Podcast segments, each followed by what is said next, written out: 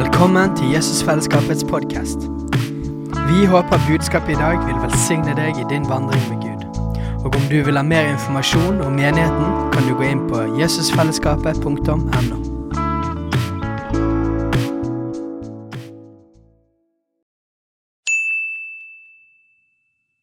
Hei! Visste du at Jesusfellesskapet starter en ny bibelskole til høsten? Den heter Jesusskolen og starter den 3. september. Gå inn på jesusskolen.no for mer informasjon.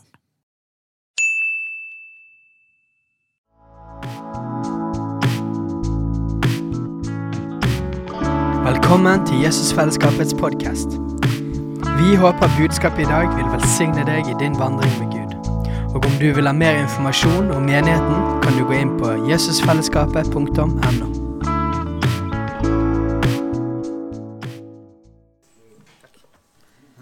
Ok, da er det bare å dundre på.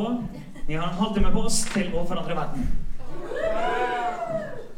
Jeg må bare si igjen, hvis det er noen av dere som ikke har henta den, så må vi i hvert fall sørge for at den ligger bak igjen, så du kan ta den med deg. Jeg anbefaler sterkt, alle sammen, ta den her, putt den i Bibelen. Den eh, utgjør eh, grunnlaget for det vi snakker om i dag, og det vi, om, eh, det vi har snakket om, og det vi kommer til å snakke om. Inni her så står Lukas 10-modellen, og et av punktene handler om eh, å demonstrere evangeliet. Og det er det, det er det vi skal snakke om i dag. Steinar har jo nå eh, to søndager eh, på rad snakka om, om helbredelse og lagt et teologisk fundament. Det der konklusjonen er krystallklar. Det er ingen tvil. Gud vil helbrede.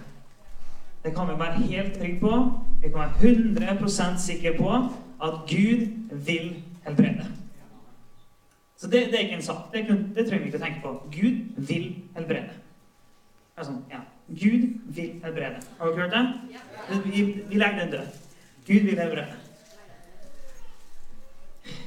Men i dag skal vi gå litt mer eh, praktisk til verks og snakke om eh, hvordan er det vi helbreder folk. Normalt sett så ville det ha innebært eh, ikke bare litt, men mye kroppskontakt, holdt jeg på å si. Eh, for det, når vi ber for syke, så gjør vi det sånn som det står de fleste gangene i Bibelen. Vi legger hendene på folk, og vi ber. Og vi er frimodige ved å legge hendene på folk. Eh, men i den situasjonen vi står i nå, så har vi valgt å gjøre det på en annen måte. For heldigvis så kan Gud helbrede uten at vi er borti hverandre òg. Han er jo ikke begrensa av det. Men det er viktig for oss å bare være, være helt sånn klar på det her, fordi um, Normalt sett når vi trener på å helbrede syke, så ønsker vi å gjøre det med å legge hendene på folk. Det er sånn Jesus uh, sa vi skulle gjøre. Det er sånn vi ser de fleste tilfellene i Bibelen, og det var måten det skjedde på. Så det er det vi, i utgangspunktet ønsker å gjøre. Men for å unngå at det blir for tett, for nært Hovedsakelig fordi vi har lyst til å ære myndighetene våre, vi har lyst til å være lydige, så avstår vi fra det. Ikke fordi at vi er redde for å bli syke, vi er redde for å spre smitte eller noe sånt. Det er ikke greien. Det funker veldig dårlig å være redd og så skulle gå ut i tro for å helbrede syke. Det er ikke grunnen. La meg være krystallklar på det. Det er ikke fordi vi er redde. Men det går faktisk an å både være lydig mot myndighetene og være lydig mot Gud. Altså, vi velger å følge det rådet de har gitt, den anbefalingen de har gitt, og vi ber for syke som også er å være lydig mot Gud. Og det er så enkelt som at hver gang de to hensynene går sammen, at vi kan være lydige både mot Gud og mot myndighetene, så velger vi det. Det er de gangene som i vår del av verden ikke er så veldig ofte, heldigvis. Men det er de, gangene det krysser at lydighet mot Gud eller lydighet mot myndighetene blir ulydighet mot Gud, da må vi, må vi velge Gud. Det er det ingen tvil om. Men heldigvis, i vårt land, så er det veldig sjelden vi trenger å gjøre det. Men jeg må bare gjøre veldig tydelig hva som er grunnen til at vi velger å gjøre det på denne måten. Så vi er fulle av tro, og vi er ydmyke i underordning. Det er vår holdning til det her. Ok. Nå var jeg litt sånn på, rask på her, for jeg tenkte nå må vi bare komme i gang. Men navnet mitt er Alf Kåre, hvis noen som ikke kjenner meg. Eh, og jeg har vært her eh, lenge. Og jeg har én eh, kone og tre barn. Og har et godt og travelt og fint liv. Så utenom å være engasjert her, så jobber jeg i Røde Kors. Så um, eh, nå De siste ukene så har jeg vært litt, ikke akkurat nå, men for noen uker siden så var det litt sånn rolig med alt med korona og sånn. Eh, men dere skulle bare visst hvor intenst det egentlig har vært. For det, I Røde Kors har vi vært veldig involvert med alt som har med teststasjoner å gjøre, og vært veldig inne i kommunens prosesser på det. Å, herlighet. Eh, det har ikke vært rolig, for å si sånn. Jeg har aldri jobba så mye i hele mitt liv som jeg har gjort de siste seks ukene. Eh, så, så jeg har i hvert fall merka korona. Ikke på kroppen på den måten, men eh, presset av korona har jeg merka. Så det skal bli bra når, når vi får tatt livet av den driten. Ja. Ok.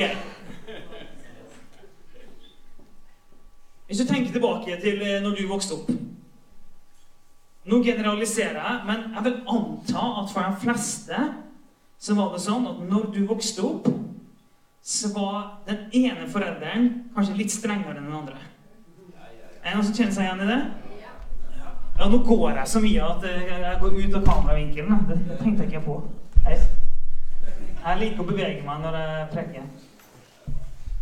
Men ja Det er veldig vanlig at den ene er gjerne litt strengere enn den andre. Jeg vil si det på en annen måte at uh, den ene forelderen sine ord veide litt tyngre enn den andre sine. Er noen som husker tilbake i barndommen? Uh, det, det, det, er ikke alltid at det betyr at pappa er strengest eller mamma er strengest. Det vil nok variere fra familie til familie. Um, jeg var en eh, relativt lydig gutt. Jeg var ingen rebell. Um, det var når jeg, når jeg, gikk på skole og lærte om puberteten, så husker jeg han sa at når vi kommer i puberteten, så kommer du til å gjøre opprør. Så jeg gikk rundt og venta på at opprøret skulle komme. Det kom aldri. Så jeg, gikk rundt i flere år så lurte jeg på når det opprøret skulle komme. Det kom aldri noen ting i meg. Men i puberteten jeg kom dit. Um, det, men jeg var relativt lydig da, eh, som unge. Og eh, både mamma og pappa har vært relativt tydelige. Men så var det en gang der av en eller annen grunn så uh, hørte ikke helt etter når mamma snakka til meg. Det var, jeg ikke bare ikke hørte etter, jeg oppførte meg dårlig. Var respektløst, respektløst overfor henne. Um, av en eller annen grunn så gjorde jeg det da. Og brydde meg ikke så mye om det hun sa der og da. Og så sa hun en ting som jeg kan ikke huske at hun har sagt det noen andre ganger. Kan være bare ene gang hun sa det, så sa hun plutselig det her skal jeg si når pappa kommer hjem. Og da hørte jeg. Jeg husker den følelsen. Var sånn, bare angeren bare skylte inn over meg. Og jeg bare grua meg til pappa skulle komme hjem. Og jeg hadde en fantastisk fin oppvekst. Det var, det var ingenting farlig sånn sett, men jeg bare kjente bare sånn Å, nei!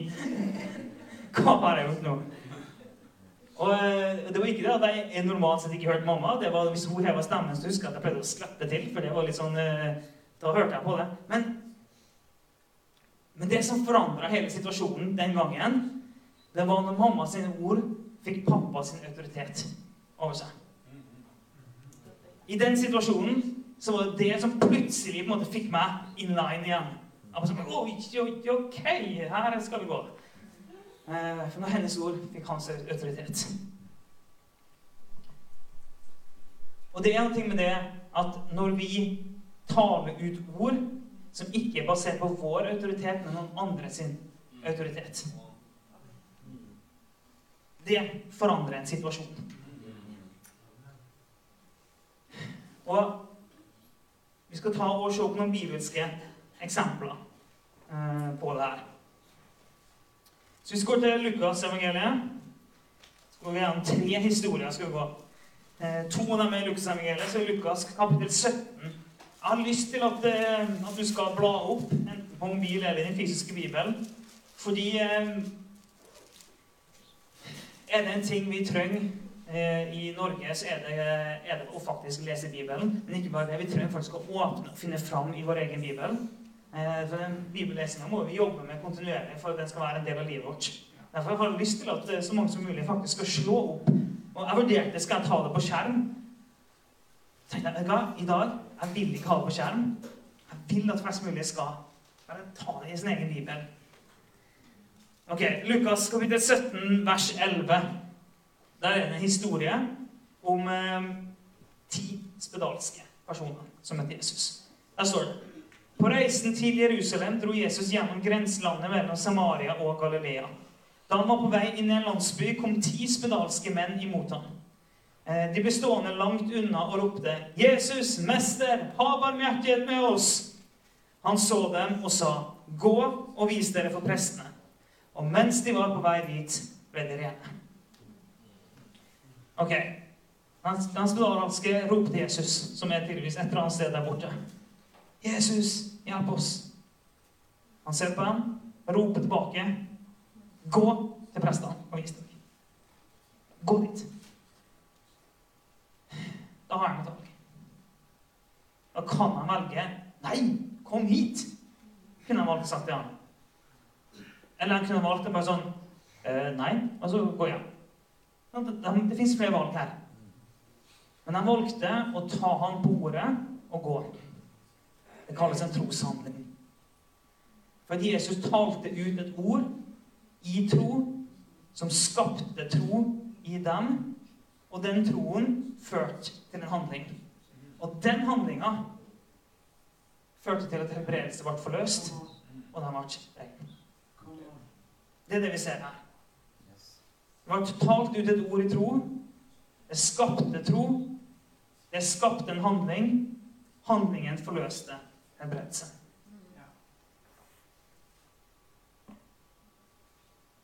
Ok, gå til Lukas kapittel 5, vers 17.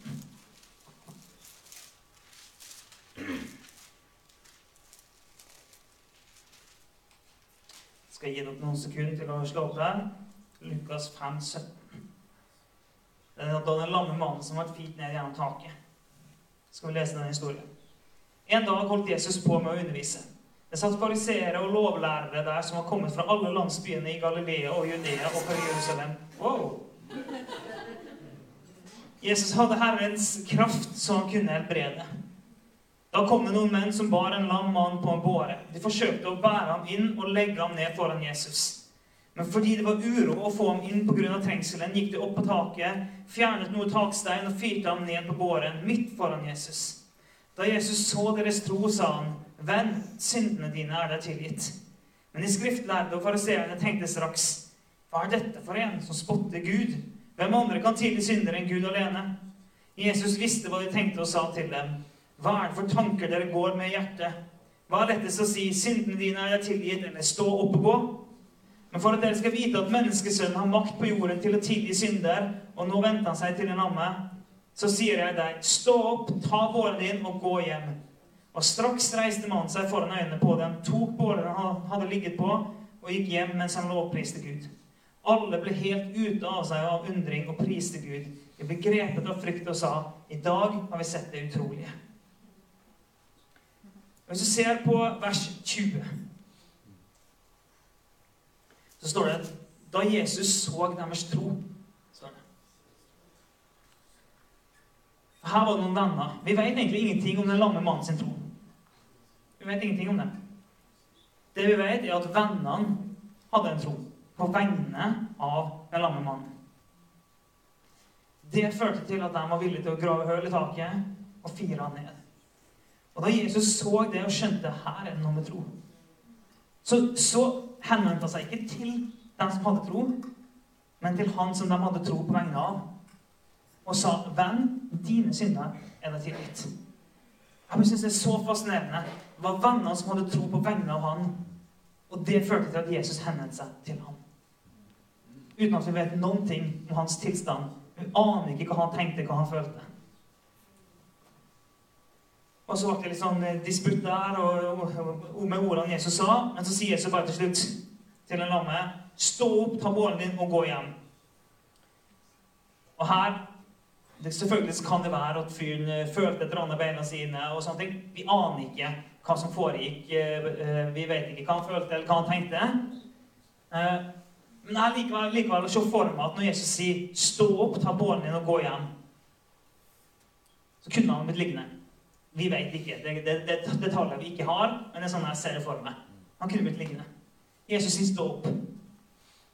Han må ha, det kan være at han kjente et eller annet i kroppen sin som ga han tro for det. Det er selvfølgelig mulig. Men han må like uansett ha tatt valget om at jeg er lam, men nå skal jeg prøve å reise meg. Det valget må han ha tatt på et eller annet tidspunkt uansett. Jeg må prøve å reise meg. Og igjen så er Jesus taler til han, taler ut et ord i tro, som skaper tro i denne lamme mannen. Og den troen får han til å gjøre en handling, altså å prøve å reise opp. Og det forløser en helbredelse som gjør at han kommer inn og går.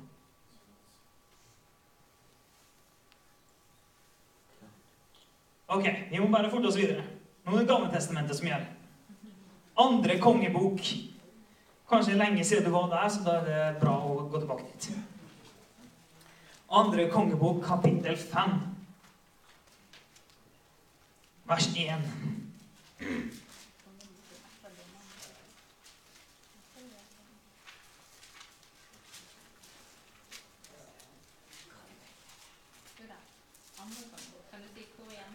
Andre kongebok, kapittel 5, vers 1.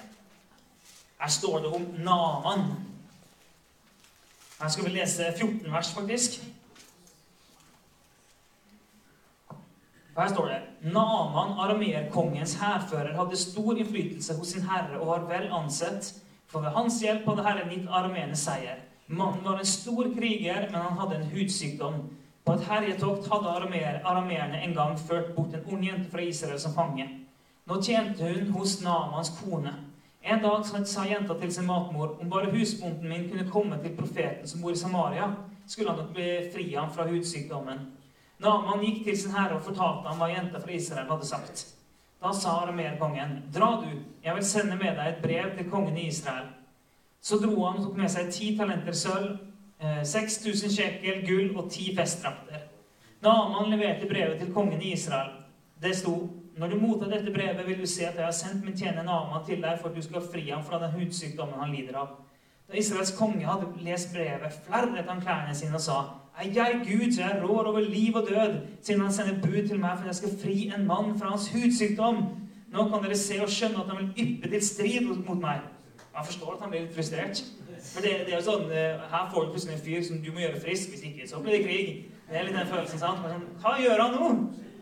Men da gudsmannen Elisha fikk høre at kongen hadde flerret klærne sine, sendte han bud til ham og sa:" Hvorfor har du flerret klærne dine? La mannen komme til meg, så skal han få kjenne at det er en profet i Israel. Så kom da Naman med hester og vogner og stanset ved døren til Elishas hus.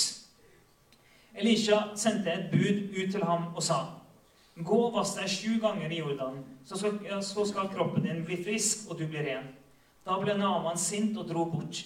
Han sa, 'Jeg trodde han selv ville komme ut til meg, stå fram og påkalle Herren sin Guds navn,' 'føre hånden fram og tilbake over det syke stedet og fri meg fra sykdommen.' Er ikke Abana og Parpar, elvene med Damaskus, like gode som alle vassdragene i Israel? Kunne jeg ikke vaske meg i dem og bli ren? Så snudde han og dro bort i fullt sinne.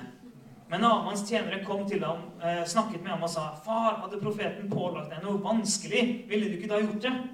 Hvor mye mer nå når han bare sier til at du skal vaske deg og bli ren? Så dro Naman ned til Jordan og dukket seg sju ganger i elven, slik gudsmannen hadde sagt. Da ble kroppen hans frisk igjen, som kroppen til en liten gutt, og han ble ren. Ok. Han da drar til profeten Elisha. Det står at han drar til huset hans. Det her er ganske lenge siden, så det er rimelig å anta at huset ikke var helt sånn gigantisk. Um, men, sted, men, Elisha kom ikke ut, som jo bare helt komisk. egentlig. Hvorfor i all verden kom han ikke ut? Ja, det, vi, vet, jeg, vet, ikke hvordan han bodde, men kanskje var det en liten leirhytte han bodde i. for alt jeg vet. Han kom ikke ut! Han sendte ut en annen fyr med en beskjed.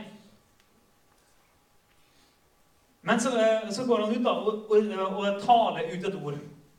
Og det ordet var nok talt ut i tro. Men det, det skapte ikke så mye tro i Naman der og da. Han ble veldig sint. Han ble støtt. Og det er jo en ting vi kjenner godt til. Vi tar stadig anstøt. Det gjør alle sammen i dette rommet. her. Vi tar stadig anstøt, om det er av Gud eller av andre. Så er det, er stadig et eller annet som gjør at vi reagerer. Og Naman han følte seg tydeligvis ikke spesielt verdsatt da, i dette øyeblikket. For han sier jo 'Jeg trodde han sjøl ville komme ut til meg'. Stå fram og påkalle Herrens Guds navn, og så føre hånden fram og tilbake over det syke stedet og fri meg fra sykdommen. Han forventa håndspåleggelse. Det var det han, han forventa. Og det fikk han ikke. Da stakk han. Så var det noen smarte folk tydeligvis da rundt han som sa at ja, men det er jo ikke vanskelig å bare prøve. Her har du da en fyr som er sint. Ordet har ikke vekt spesielt tro i han. Men litt sånn rent sånn rasjonelt kan det virke som, så gjør han seg opp mening om at jeg har ingenting å tape. Jeg har reist så langt nå. Kan like godt bare vaske meg. Det er det, det som står. Det er noe jeg parafraserer. Men jeg ser for meg at det er litt den eh, tankegangen han har. Ja, ja, ok, da. Liksom, det, det skader ikke å, gå og vaske meg. Og så gjør han det, så blir han ren. Og Det fascinerende er at der er det ikke engang det at han nødvendigvis har så voldsomt mye tro, men det ordet har en autoritet ved seg likevel. Ordet som er talt ut på vegne av Gud, i tråd med Guds vilje. Det har med seg en kraft og en autoritet som blir forløst idet handlingen blir gjort. Selv om det der ikke helt vet nøyaktig hvor mye tro denne fyren her egentlig hadde.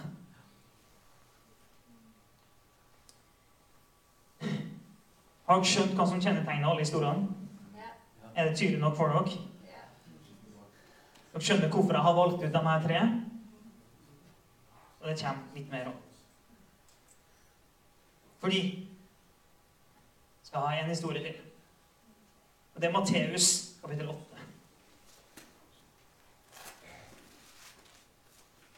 Matteus kapittel 8, vers 5. Det er en av historiene om Jesus og den romerske offiseren. Her står det Da Jesus gikk inn i Kapernaum, kom en offiser til ham og ba om hjelp. 'Herre', sa han, 'tjenestegutten min ligger lam hjemme og har store smerter.' Jesus sa, 'Jeg skal komme og helbrede ham.' Offiseren svarte, 'Herre, jeg er ikke verdig til at du kommer inn under mitt tak.' 'Men si bare et ord, så vil tjenestegutten min bli helbredet.' 'For jeg står selv under kommando og har soldater under meg.' 'Sier jeg til en, gå, så går han. Og til en annen, kom, så kommer han.' 'Og til min tjener, gjør dette, så gjør han det.' Jesus undret seg da han hørte dette, og han sa til dem som fulgte ham, 'Sannelig, jeg sier dere, en slik tro har jeg ikke funnet hos noen i Israel.' Det sier jeg dere, mange skal komme fra øst og fra vest og sitte til bords med Abraham og Isak og Jakob i himmelriket, men rikets barn skal kastes ut i mørket utenfor, der de gråter og skjærer tenner. Til offiseren sa Jesus, gå, det skal skje slik du trodde. Og tjenestegutten ble frisk i samme stund.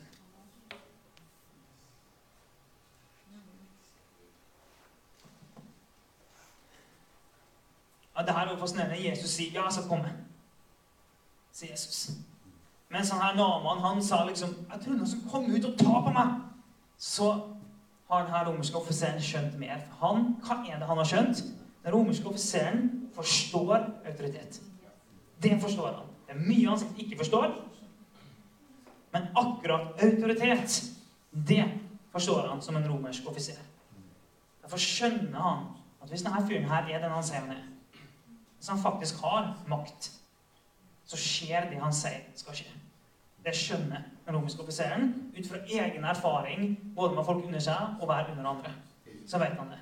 Bare så for dere at Hvis han sier til sin tjener stikk bort, stikk bort til det stedet der og slå opp et telt og gjør klart et måltid. Jeg kommer senere i dag. Så sier han det. Og når han da begynner å gå til det stedet, så går han med en full visshet om at når han kommer fram, så har hans ord materialisert seg og blitt til liv. Han går dit og er helt viss på at det han har sagt, har blitt til liv innen han kommer fram. Det er hans fulle forventning når han er på vei til det stedet. Det er tro. Fordi han forstår autoritet.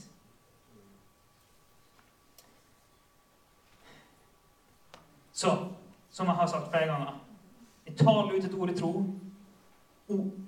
Ordet skaper tro. Troen trigger en handling, og handlingen forløse Guds kraft. Er det automatikk? Nei. Er det en automatisk at penger på og drar i spaken? Nei, det er det ikke. Men er det bibelsk? Ja, det er det. Skal vi gjøre det uavhengig av resultat? Ja, det skal vi gjøre. Om det skjer det vi taler ut, om folk blir vrede eller ikke, det er faktisk ikke relevant. Det er bibelsk.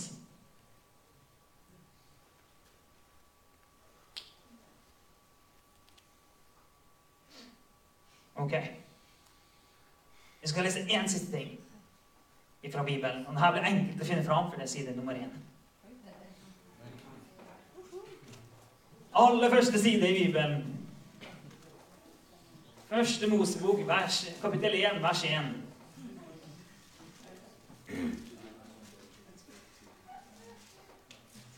Her står det I begynnelsen skapte Gud himmelen og jorden, og jorden var øde og tom.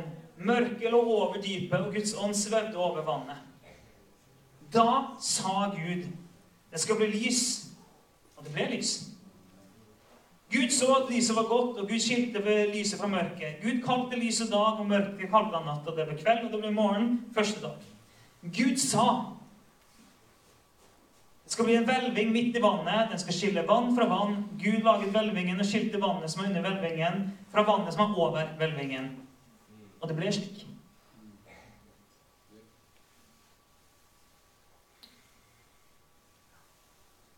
Uh, Gud kalte hvelvingen himmel, og det ble kveld, og det ble morgen andre dag. Vers 9. Gud sa vannet under himmelen skal samle seg på ett sted. Det tørre landet skal komme til syne. Og det ble slik. Gud kalte det tørre landet jord, og vannet som hadde samlet seg, kalte han hav. Og Gud så at det var godt. Gud sa Jorden skal bli grønn, grønne vekster skal gro på jorden, planter som setter frø og frukttrær som bærer frukt med frø i av alle slag. Og det ble slik. Denne versen her så ser vi igjen Gud sa, og det skjedde. Det er en sånn sang fra Ivar Kirkevold som jeg vokste opp med. For dere som eh, ikke er altfor unge. Gud sa, og det skjedde. Jeg skal ikke begynne å synge. Det er ikke min eh, gave, men det var sånn sang. Gud sa, og det skjedde. Gud talte ut et ord, og det skapte. Og når vi taler ut ord som er i tråd med Guds vilje, så skaper det noe. Gud har gitt oss en autoritet. Ikke en autoritet vi har i oss sjøl, men en autoritet vi har på vegne av Han, for Han bor i oss. Så når vi taler ut ord som er eh, i tråd med Hans vilje, så er det med Hans autoritet, og ikke med vår egen autoritet. For da blir våre ord fylt med Han. Sånn som jeg starta med, da, at eh, når mamma sa at eh, det her skal si pappa, og plutselig så ble hennes ord helt uendelig mye mer eh, verdt, på en måte. Og jeg kjente tyngden av ordene vet du, i det øyeblikket jeg skjønte hva autoritet som var inni. Og sånn er det når vi taler ut. Når vi taler ut helbredelse over et annet menneske, så kan det være at du føler om det her er ikke meg, eller jeg har ikke nok tro, eller jeg har ikke nok salvelse, eller det er lenge siden jeg har opplevd det her. Det kan være mange sånne tanker eh, du kjenner på. De er faktisk helt irrelevant. For du taler ut et ord ikke basert på din autoritet, men på en autoritet som han har gitt deg. Og det er det som skaper liv. Det som materialiserer seg i det andre mennesket. Men vi må tørre å tale ut. Det må vi gjøre. Og da har kanskje noen skjønt hvordan vi har tenkt å be for syke i dag.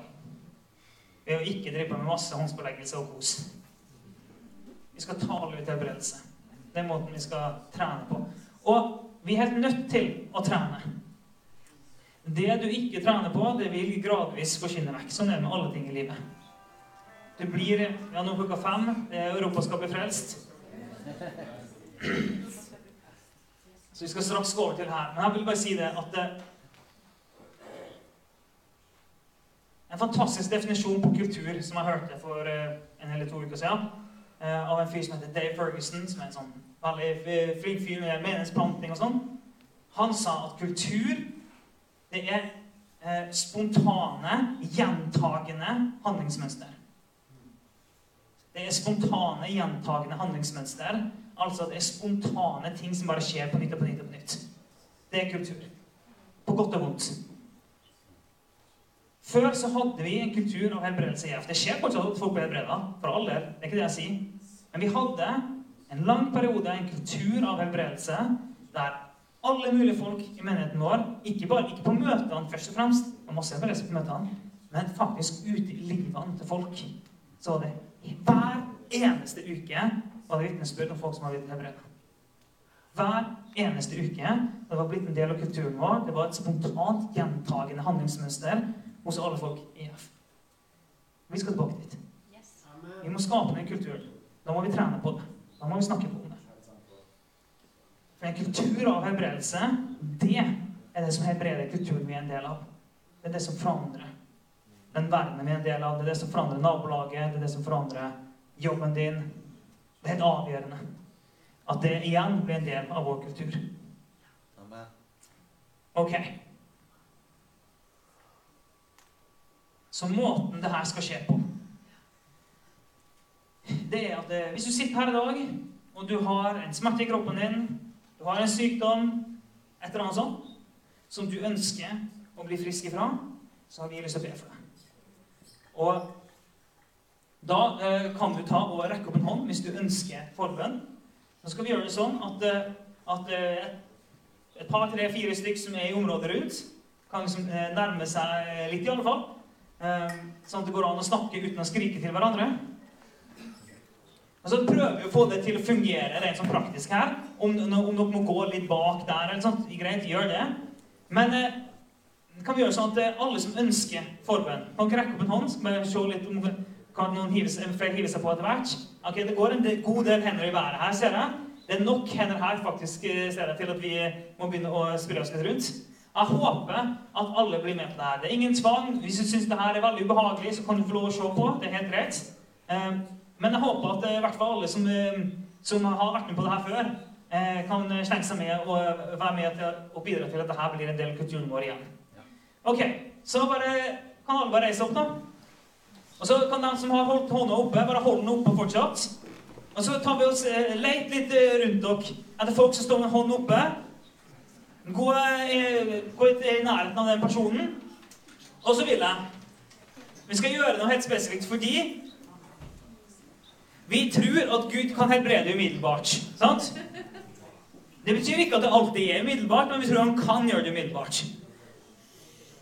Derfor vil jeg, og det, det, er ikke alle typer ting eh, som det går an å sjekke ut på forhånd og etterpå, sånn, det er det ikke. men hvis personen har en smerte eller en skade eller et eller annet problem som personen kan kjenne på forhånd, så vil jeg at personen skal gjøre det, og så kjenne, og, så kjenne etter etterpå. Bare for å sjekke om vi får en konkret forandring. ok? Så bare sørg for å sjekke ut det. Ok, Begynn å snakke og finne ut av det. Og så Nei, jeg skal si en ting til. En, en ting til. Når dere har funnet ut av det, så er det egentlig veldig enkelt. Da bruker vi vår stemme, og så sier vi Jesu navn, bli frisk'. I Jesu navn så befaler du smerten å forsvinne. I Jesu navn så befaler du eh, sykdommen forsvinne. I Jesu navn så forløser du helbredelse. Og du ber egentlig på samme måte som når du legger hendene på folk. Om du trenger det for din egen del, lukk øynene og lat som du har hånda på skuldra, så ber du. Ok? Så taler vi ut i tro. Kjør på. Hei, alle sammen. Det er Katrine og Steinar Lofnes her. Vi er hovedledere for Jesusfellesskapet. Så kjekt du har lyttet til denne podkasten. Har du forresten hørt noen av de andre podkastene våre? Ukens tale, Disippelskolen, Hyrdepodden, Kulturkrigen og Mammas hjerte.